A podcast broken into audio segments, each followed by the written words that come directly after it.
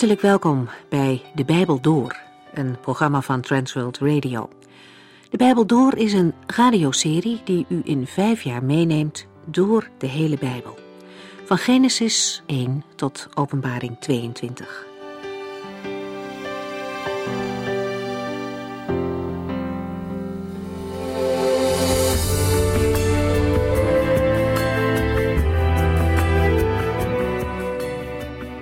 In de vorige uitzending zijn we begonnen met het lezen van het vierde hoofdstuk uit de eerste Johannesbrief.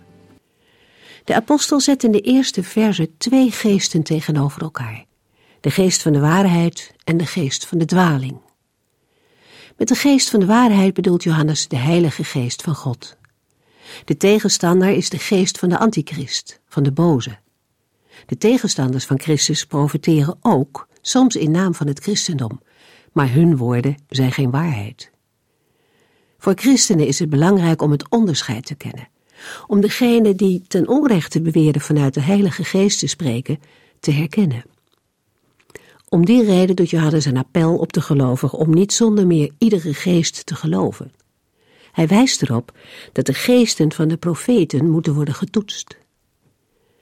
De Griekse werkwoordsvorm van beproefd geeft een opdracht aan de gelovige om steeds weer te toetsen. Toetsen betekent de vraag stellen: hoort deze broeder of zuster bij het gezin van God? Er is alle reden om te toetsen, want er lopen nogal wat valse profeten in de wereld rond, schrijft Johannes. Ze zijn erop uit om zo mogelijk ook de kinderen van God te verleiden met vroom klinkende woorden en opzienbarende wonderen.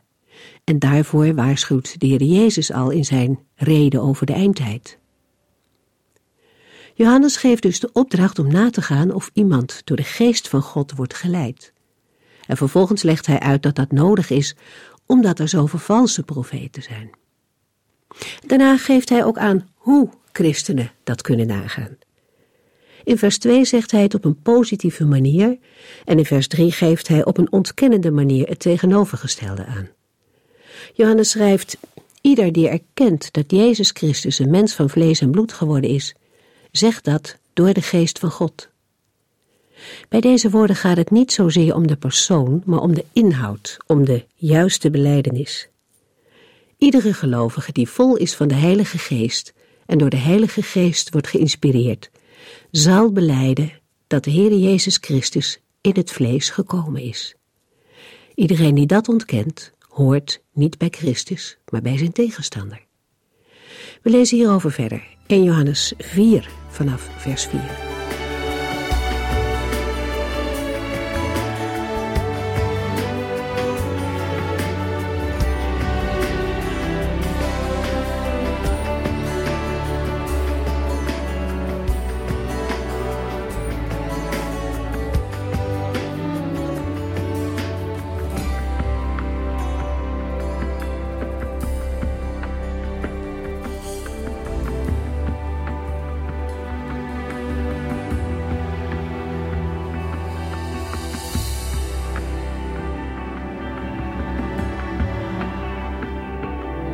De vorige uitzending sloten we af met het lezen van 1 Johannes 4, vers 3. De apostel Johannes schreef in vers 3: Ieder die dat ontkent, dat Jezus Christus een mens van vlees en bloed geworden is, heeft de geest van de antichrist, de vijand van Christus, waarvan wij weten dat hij komen zou, maar die nu al in de wereld actief is.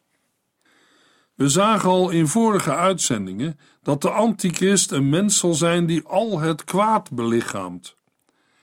De antichrist, of de mens van zeer grote zonde, zal met open armen worden ontvangen door een wereld die van God de Vader en zijn Zoon Jezus Christus niets wil weten. In 2 Thessalonicense 2 en Openbaring 13 lezen we meer over de geest van de antichrist en de antichrist zelf. In de vorige uitzending lazen we al een gedeelte uit 2 Thessalonicense 2. In deze uitzending willen we Openbaring 13 vers 1 tot en met 8 lezen, waar Johannes schrijft: Ik zag een beest uit de zee opkomen, dat tien horens en zeven koppen had. Op elk van zijn horens stond een kroon en op zijn koppen stonden beledigingen tegen God. Het beest dat ik zag leek op een luipaard, maar had de poten van een beer en de muil van een leeuw. De draak gaf het beest zijn kracht en gezag, heel zijn grote macht. Het leek of een van zijn koppen dodelijk gewond was, maar de wond genas. De hele wereld liep vol verbazing achter het beest aan. Alle mensen vielen op de knieën en vereerden de draak omdat hij het beest zo'n grote macht had gegeven.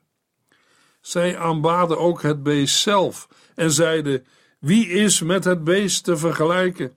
Wie kan het tegen hem opnemen? Het beest mocht met hoogmoedige woorden God beledigen, 42 maanden lang. En hij deed zijn muil open en braakte de grofste beledigingen uit tegen God, tegen zijn naam, tegen zijn tempel en tegen allen die in de hemel woonden. Het beest mocht oorlog voeren tegen het volk van God en het overwinnen. Hij kreeg macht over alle landen en volken. Alle mensen op aarde zullen hem aanbidden, behalve de mensen die al sinds het ontstaan van de wereld vermeld worden in het levensboek, het boek van het Lam, dat geslacht is. Ieder die oren heeft, moet luisteren. In directe aansluiting op Openbaring 12 wordt in Openbaring 13 het optreden beschreven van de twee handlangers van de draak in de eindtijd, namelijk het beest uit de zee en het beest uit de aarde.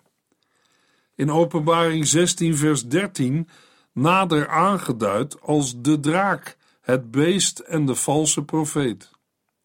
Het beest uit de zee vertoont uiterlijk een zeer sterke gelijkenis met de draak. Het beest komt net als de vier dieren in Daniel 7, vers 3 uit de zee omhoog.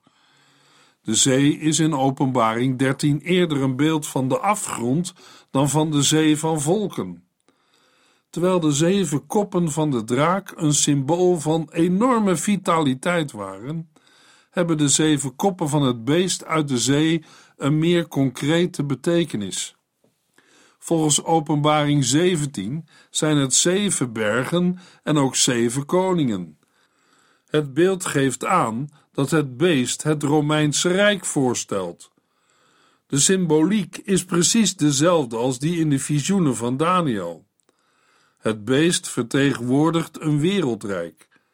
De afzonderlijke koppen een chronologische reeks koningen of keizers. Dat het beest beledigingen tegen God draagt, doet denken aan de Romeinse keizers die goddelijke titels voor zich opeisten. Het beest manifesteert zich zodoende als een macht die Gods macht en gezag voor zichzelf opeist. Het beest uit de zee manifesteert zich als een monsterlijk wezen dat iedereen in gruwelijkheid en goddeloosheid overtreft. Het beest lijkt op een luipaard. Het heeft poten als van een beer en een muil als van een leeuw. De beschrijving van het beest uit de zee volgt dan ook de beschrijving van de eerste drie dieren in het Bijbelboek Daniel, maar dan in omgekeerde volgorde. Wellicht omdat Johannes vanuit het heden terugkijkt in het verleden. Het beest met zijn tien horens is zelf het vierde dier uit Daniel 7, vers 7. Het beest, de antichristelijke wereldmacht, staat volledig in dienst van de draak, die hem kracht en gezag, heel zijn grote macht heeft gegeven, zodat het beest in staat is om de gemeente van Christus tot het uiterste te vervolgen. Van een van de zeven koppen wordt gezegd dat hij dodelijk gewond was, maar dat de wond genas. We moeten daarbij denken aan een gewelddadige gebeurtenis, waardoor de macht van het beest een zware slag te verduren krijgt, maar waar het toch van herstelt. Dit herstel lijkt het karakter van een opstanding uit de doden te hebben. Er is namelijk sprake van een dodelijke wond. De genezing heeft het karakter van een wonder, wat blijkt uit het feit dat alle bewoners van de aarde in stomme verbazing achter het beest aanlopen. We moeten hier dan ook niet aan de antichrist als persoon denken, maar aan het antichristelijke wereldrijk. We zullen in deze woorden dan ook eerder een beschrijving van een val en herstel van het Romeinse Rijk moeten lezen dan van een van zijn keizers. Het optreden van de draak en het beest heeft een anti-goddelijk karakter, wat blijkt uit de goddelijke verering die zij ontvangen. Aanbidding komt alleen toe aan God en Christus. De aanbidding van de draak en het beest, als zijn zichtbare vertegenwoordiging op aarde, is dan ook een regelrechte daad van afvalligheid, afgoderij en verzet tegen God en Christus.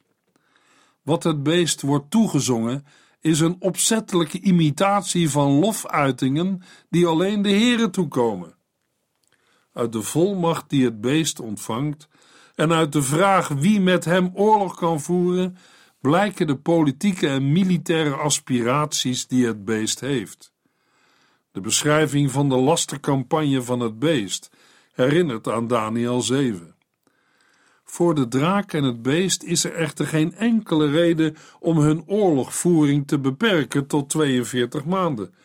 Die limiet is hun kennelijk door de heren opgelegd. Deze 42 maanden vormen net als in Openbaring 11 een relatief korte periode van grote verdrukking, waarin de antichrist binnen de hem door God gestelde grenzen vrij spel heeft. Deze tijdspanne komt overeen met de elders genoemde 3,5 jaar. Gedurende de periode van 42 maanden manifesteert het beest zich als een antigoddelijke macht die zich richt tegen alles wat met God te maken heeft. Johannes voorziet een korte, dramatische periode waarin de strijd tussen het beest de antichrist en de heiligen in alle hevigheid zal losbarsten. De heiligen omvat de gemeente van Christus wereldwijd, gelovigen uit alle rassen, volken, stammen en taalgroepen, die leven onder de antichristelijke wereldmacht. Over de afloop van de strijd hoeft niemand zich illusies te maken. De heiligen zullen het onderspit delven. Niemand zal zich kunnen onttrekken aan de macht van het beest. Het zal de wereldheerschappij ontvangen en alle macht voor zich opeisen. De opmars van het beest, de antichrist, zal tenslotte uitlopen op een situatie waarin het beest wereldwijd als een god aanbeden wordt. De situatie doet denken aan de aanbidding van het beeld van Nebukadnessar ten tijde van Daniel en vooral aan de goddelijke verering die de Romeinse keizers voor zich opeisten. Maar bestond er ten tijde van het Romeinse Rijk nog een uitzondering voor het Joodse volk? Zij waren officieel vrijgesteld van de keizercultus. Johannes ziet in Openbaring 13 een toekomstige situatie waarin iedereen van wie de naam niet staat in het boek des levens van het Lam het beest zal aanbidden. Johannes schrijft in 1 Johannes 3, vers 3 over de geest van de antichrist. Ieder die ontkent dat Jezus Christus een mens van vlees en bloed geworden is, heeft de geest van de antichrist, de vijand van Christus, waarvan wij weten dat hij komen zou, maar die nu al in de wereld actief is. 1 Johannes 4, vers 4 Vrienden, u komt uit God voort en hebt zijn tegenstanders overwonnen. Want hij die in u woont is machtiger dan hij die de wereld beheerst. Ondanks de dreiging die er van de door de geest van de antichrist geïnspireerde dwaalleraars uitgaat, is er geen reden voor angst en schrik. De gelovigen zijn uit God en hebben Gods tegenstanders overwonnen, want Hij die in u woont is machtiger dan Hij die de wereld beheerst. De overwinning bestaat hierin dat de gelovigen niet hebben toegegeven aan de dwaalleraars. Ook in 1 Johannes 2 gebruikt de apostel Johannes het woord gewonnen. In 1 Johannes 2 gaat het om jongelui die de duivel hebben overwonnen. In 1 Johannes 4 gaat het om de overwinning op de mensen die zich door de duivel laten inspireren. In vers 4b geeft de apostel de achtergrond van het overwinnen aan. Bij de woorden, want hij die in u woont, zullen we moeten denken aan de Heilige Geest. Want hij die in u woont is machtiger dan hij die de wereld beheerst. De duivel mag dan een zekere macht hebben, tegen God kan hij niet op. De Heer is groter, meerder en machtiger dan Satan. Gods kracht en inzicht zijn voor de gelovigen meer dan genoeg om staande te blijven in de strijd tegen de dwaalleraars die er niet in zijn geslaagd de gelovigen te misleiden. Bij het woord wereld moeten we denken aan de godvijandige wereld, de zondige wereld, de mensen die God niet kennen. 1 Johannes 4, vers 5. De tegenstanders van God horen bij de wereld en maken zich dus alleen maar druk om dingen die van de wereld zijn. Daarom hebben zij in de wereld ook iets te zeggen. Het woordje wereld vormt de schakel tussen vers 4 en 5. Bij de woorden de tegenstanders moeten we denken aan de dwaalleraars, valse profeten en de antichristen. Zij staan in contrast met zowel de gelovigen, de u in vers 4, als ook met de wij in vers 6. De wij zijn dan Johannes en de groep christenen bij hem. De dwaalleraars, die door Satan worden geïnspireerd, vinden een gewillig oor bij de wereld die zich van God heeft afgekeerd. Dat komt omdat die wereld door dezelfde geest van de antichrist wordt beïnvloed als de dwaalleraars. Zij spreken dezelfde taal en worden door elkaar versterkt. Hij die de wereld beheerst, staat tegenover u komt uit God voort en geeft de oorsprong van de dwaalleraars aan. Zij spreken vanuit het denken, vanuit het gezichtspunt van de wereld. En de wereld luistert maar al te graag naar zulke mensen. Ze zijn populair en hebben succes. 1 Johannes 4, vers 6. Omdat wij het eigendom van God zijn, zullen alleen de mensen die Hem kennen naar ons luisteren en de anderen niet. Op die manier is het mogelijk om te onderscheiden of iets namens God gezegd wordt of niet, of het waarheid is of leugen. Wij staat tegenover de anderen, de tegenstanders uit vers 5. Wij duidt op Johannes en de andere gelovigen.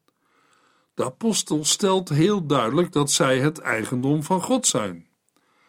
Vervolgens maakt Johannes zijn lezers duidelijk dat er een verband bestaat tussen de boodschappers, de boodschap en de hoorders.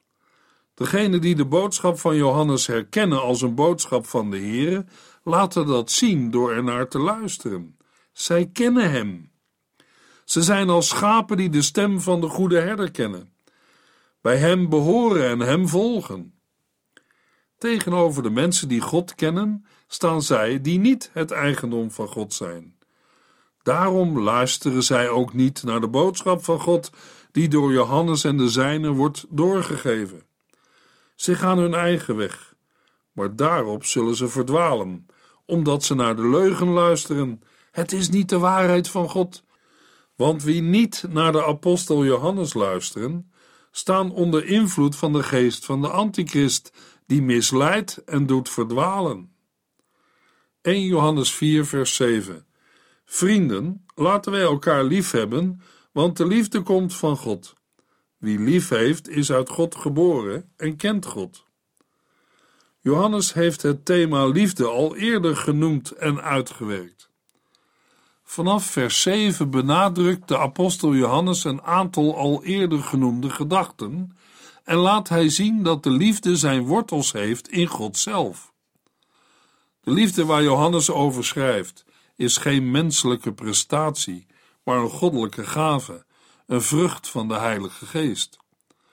Door te spreken over wij en elkaar schaart Johannes zich in de rij van hen die geliefd worden en liefhebben. Johannes roept op om elkaar blijvend lief te hebben. Deze woorden moeten niet alleen als een opdracht het leven van de gelovigen beheersen, maar moeten vooral een gezindheid zijn die voortkomt uit het hart.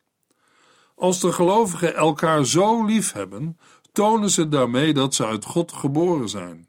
Dat wil zeggen dat zij een nieuwe schepping zijn geworden en op een heel nieuwe manier mogen leven.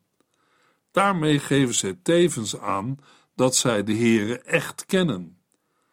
Daarbij is kennen niet alleen met het verstand weten dat Hij er is, maar vooral de Heere kennen van hart tot hart.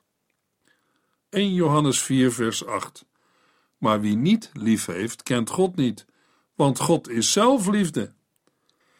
Ook vandaag vindt iedereen liefde belangrijk, maar meestal wordt er dan aan een gevoel gedacht. In werkelijkheid is liefde een actie en een keuze, zoals 1 Corinthians 13 vers 4 tot en met 7 laat zien. We lezen er: De liefde is geduldig, de liefde is vriendelijk, de liefde is niet jaloers. Zij doet niet gewichtig en is niet trots. Zij kwetst niet, is niet egoïstisch en voelt zich nooit beledigd. Zij neemt niemand iets kwalijk. Zij is niet blij met onrecht, maar juist met de waarheid. De liefde beschermt altijd, heeft altijd vertrouwen, verwacht het altijd van God en houdt stand. De Heere God is de bron waaruit onze liefde voortkomt. Hij hield zoveel van ons dat Hij zijn Zoon voor ons heeft geofferd. De Heer Jezus laat ons zien wat het betekent om onder alles lief te hebben. Alles wat Hij in leven en dood deed, kwam voort uit de volmaakte liefde. De Heilige Geest geeft ons de kracht om lief te hebben. Gods liefde wordt altijd bepaald door Zijn keuze en een bijpassende handeling, en dat mag bij een gelovige niet anders zijn. Het brengt ons tot een persoonlijke vraag. Hoe is onze liefde voor God zichtbaar in de keuzes die wij maken en de daarbij behorende handelingen?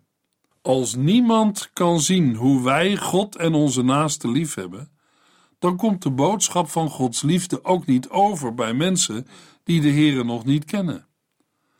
Een bekend christelijk lied heeft de volgende woorden: Ik wil jou van harte dienen en als Christus voor je zijn. Bid dat ik genade vind, dat jij het ook voor mij kunt zijn. Wij zijn onderweg als pelgrims, vinden bij elkaar houvast. Naast elkaar als broers en zusters dragen wij elkanders last. Ik zal Christus licht ontsteken als het duister jou omvangt. Ik zal jou van vrede spreken, waar je hart naar heeft verlangd. Ik zal blij zijn als jij blij bent, huilen om jouw droefenis.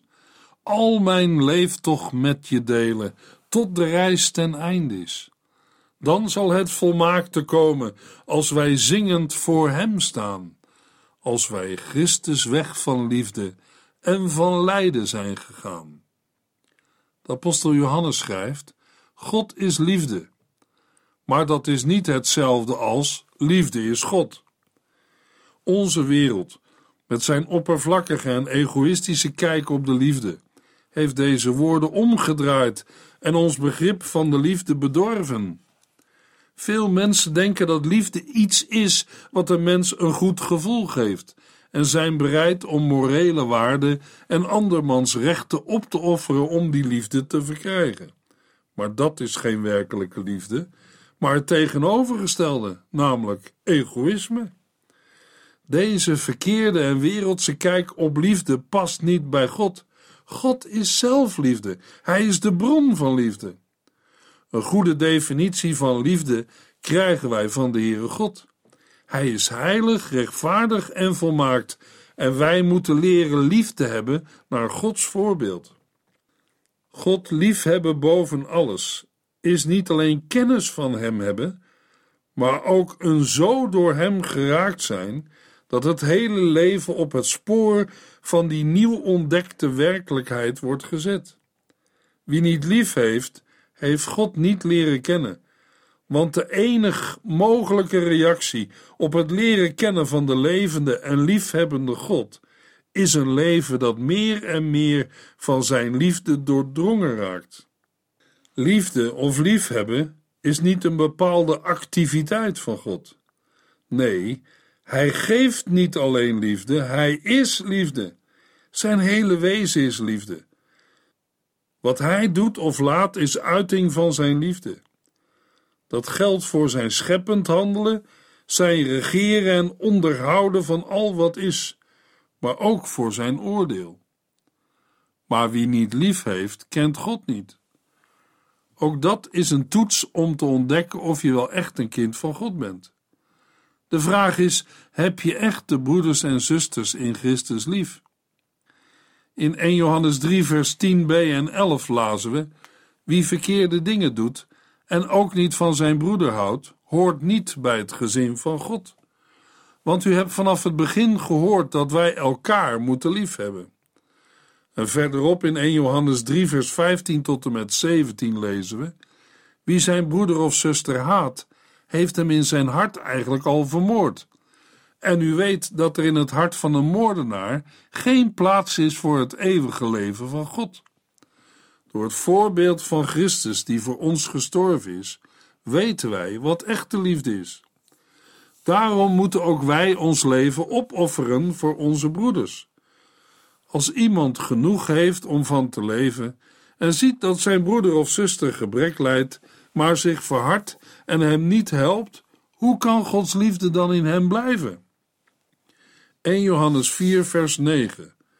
God heeft ons laten zien hoe groot zijn liefde voor ons is, door zijn enige zoon de wereld in te sturen. Door hem wilde God ons nieuw leven geven. De liefde waar Johannes over schrijft, is hier op aarde bepaald niet royaal aanwezig. Dat wij van deze liefde weten, komt doordat God zelf deze liefde heeft laten zien door zijn zoon naar deze wereld te sturen. Door hem wilde God ons nieuw leven geven. Voor de woorden God heeft ons laten zien staat in de Griekse tekst het woord openbaren. Het betekent onder andere het zichtbaar worden van iets dat voorheen verborgen was. Het heeft betrekking op de historische komst van Jezus Christus als mens op aarde. Gods liefde is gevende, opofferende en zichzelf wegschenkende liefde. Die liefde deed de Heere zijn enige geboren zoon zenden in deze wereld. God nam daartoe het initiatief. Maar daarover meer in de volgende uitzending.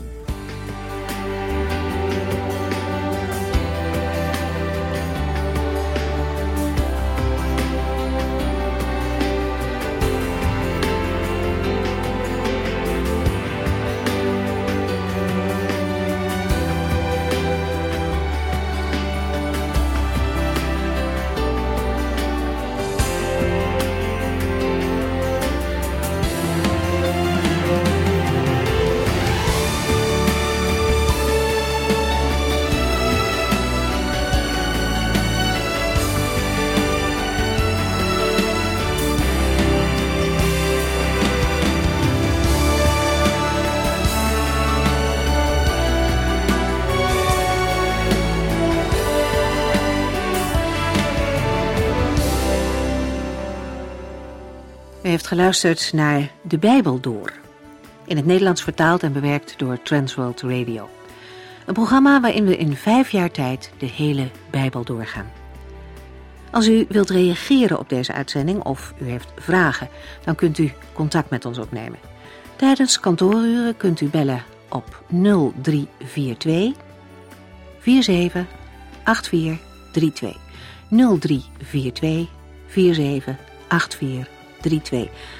Ook kunt u een e-mail sturen naar de Bijbel door transworldradio.nl en natuurlijk kunt u ook via de post ons bereiken. TWR, postbus 371, postcode 3770, AJ in Barneveld. Dit programma werd gepresenteerd door Corweda en Ike André. Techniek was in handen van Odin van Woerdenkom. En namens ons allemaal bedanken we u van harte voor het luisteren.